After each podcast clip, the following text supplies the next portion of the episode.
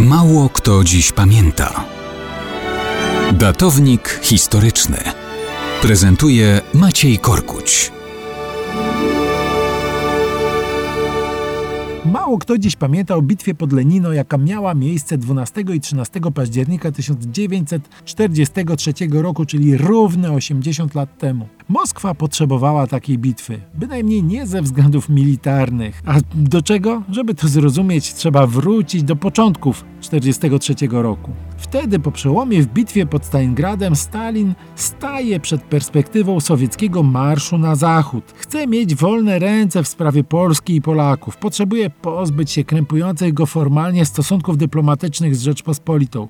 Wszak Polska jest krajem alianckim. Moskwa celowo eskaluje w kolejnych miesiącach napięcia. W końcu zrywa relacje dyplomatyczne z Polską w kwietniu 1943 roku. Zaraz potem Stalin ujawnia, że sam sobie stworzy jednostki wojskowe złożone z Polaków. Na ich czele stawia zdrajcę, współpracownika NKWD i dezertera z wojska polskiego Zygmunta Berlinga. Ten jest zdegradowanym byłym podpułkownikiem. Stalin się tym nie przejmuje, ogłasza go zaraz potem generałem. Berling zostaje dowódcą tzw. Tak pierwszej polskiej dywizji piechoty.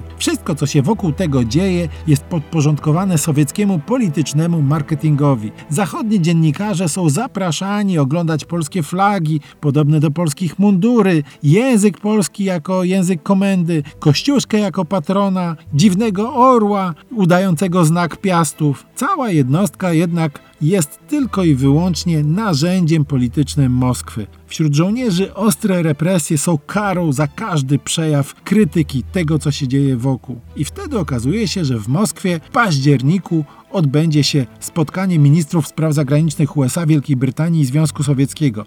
Stalin więc chce wcześniej posłać dywizję na front, bez ukończonego szkolenia, gdziekolwiek, byle wygenerować przelew krwi i w ten sposób podbić propagandowe znaczenie dywizji. I tak się dzieje. Pół tysiąca osób ginie po to, aby przy angielskiej próbie rozpoczęcia dyskusji o potrzebie przywrócenia stosunków Związku Sowieckiego z Polską, Mołotow uciął temat stwierdzeniem, że to po ich stronie Polacy walczą na froncie. No i oczywiście połączył to z oskarżeniem, że władze Rzeczypospolitej na uchodźstwie wcale walczyć z Hitlerem nie zamierzają. Pół tysiąca ludzi padło po to, żeby Moskwie łatwiej było prowadzić dyplomatyczną rozgrywkę przeciw Polsce. Bo w Rosji ludzie nie liczyli się nigdy.